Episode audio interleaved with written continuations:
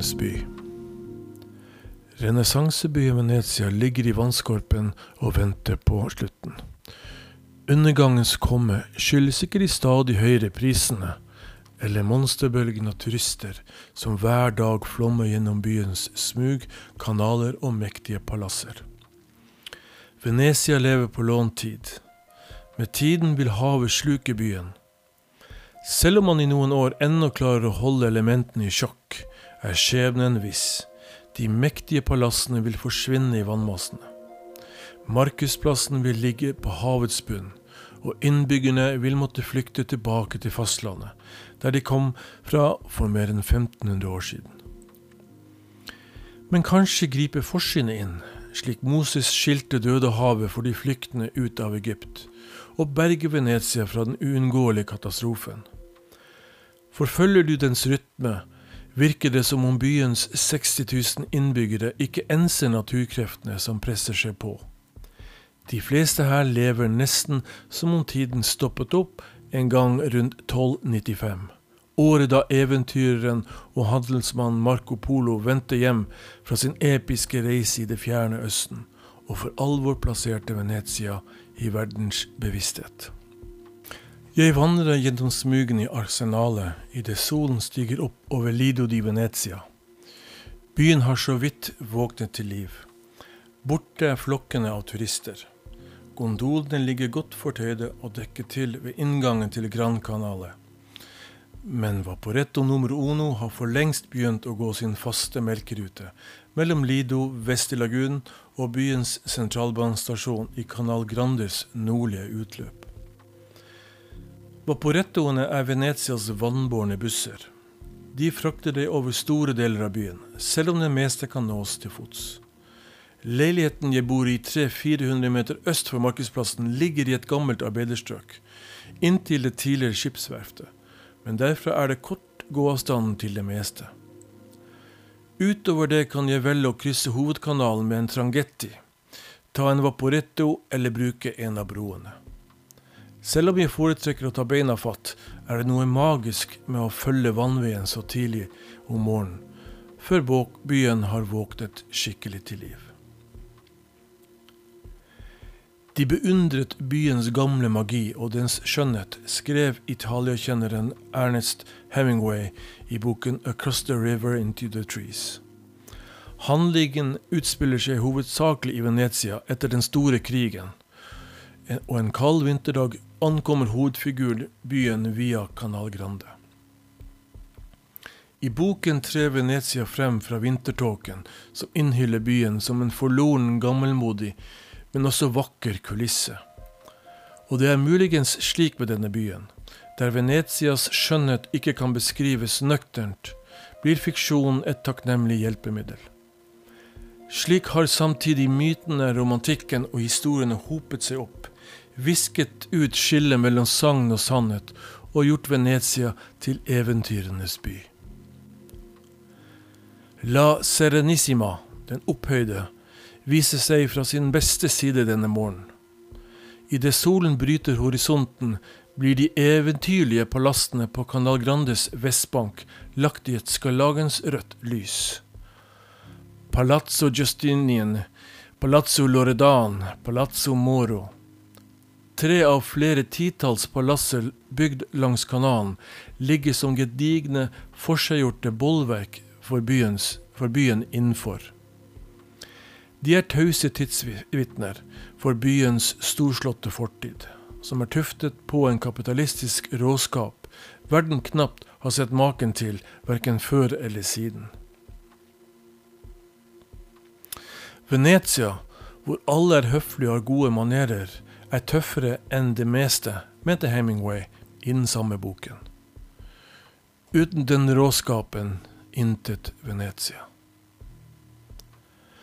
Dagen før kanalturen besøkte jeg et av de mange palassene, ikke langt fra Rialtobroen, som byer, byen dreier rundt. Rett bak Campus Santo Maria Formosa og kirken ved samme navn ligger det en noe unnselig bygning.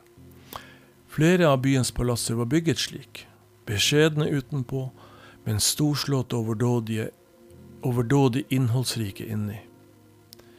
En liten bro leder over den smale kanalen, som tjente som atkomstvei til de palasslignende handelshusene langs etter den.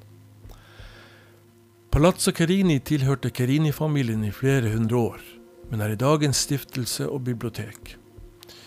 Navnet har en kjent klang for en som kommer fra Nord-Norge, med en viss kjennskap til historie.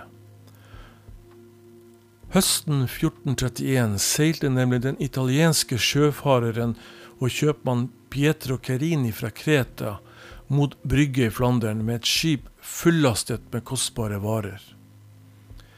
Frem til Brygge kom han aldri. Caridis skip forliste, og han og resten av mannskapet drev i ukevis ut i Atlanterhavet. Lengre og lengre inn i mørket og villskapen, som han brettet i sine memoarer.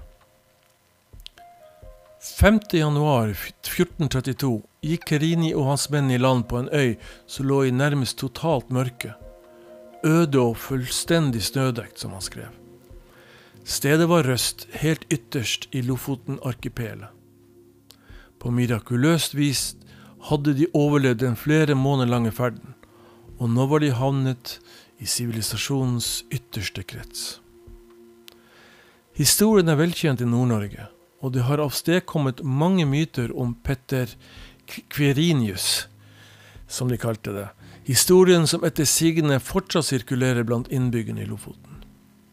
Kerini reiste ut som en tander og skrøpelig kar, men kom hjem et år etter forliset som et mer robust og bedre menneske. Det primitive nord, der mennesker bodde jordgammer, men var lykkelige i sine enkle kår, hadde muligens gitt renessansemennesket en dypere sannhet. At i livet handler det om noe mer enn jakt på ære og rikdom. På Keridis tid dominerte Venezia store deler av Middelhavet. Bystaten var ikke bare en dominerende handelsmakt, et handelssenter mellom Vest-Europa og resten av verden, men etter seieren over Bysants i 1204 ble den også en betydelig militærmakt. Skipsverftet Arsenalet der jeg bor, kunne masseprodusere krigsskip. 16 000 mann var etter sigende i stand til å bygge ett skip om dagen. Ikke før den industrielle revolusjonen, mer enn 400 år senere, skulle man oppleve noe lignende. På Karinis tid seilte i tillegg mer enn 3000 venetianske handelsskip på verdenshavene. Slik skuffet det inn enorme pengesummer i statskassa. Verdier som fortsatt lar seg avspeile i Venetias arkitektur. Inni Karinis palass finnes det ikke så mange vitnesbyrd etter handelshusets velmaktsdager, men de ansatte i biblioteket stråler med sola når jeg spør etter litteratur som omhandler Pietros fantastiske reise. Momento, sier bibliotekaren og viser meg en lang liste på datamaskinen. Alle titlene er på latin eller italiensk, bortsett fra en bok helt nederst. I paradisets første krets, står det.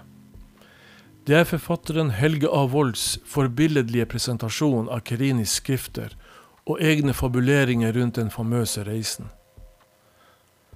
Fantastico forkynner mannen bak skranken og hopper opp for å hente boken, men jeg får kjapt fortalt den unge herren at den ha, har jeg allerede i min besittelse. Kerinis historie er like mye min som Venetias.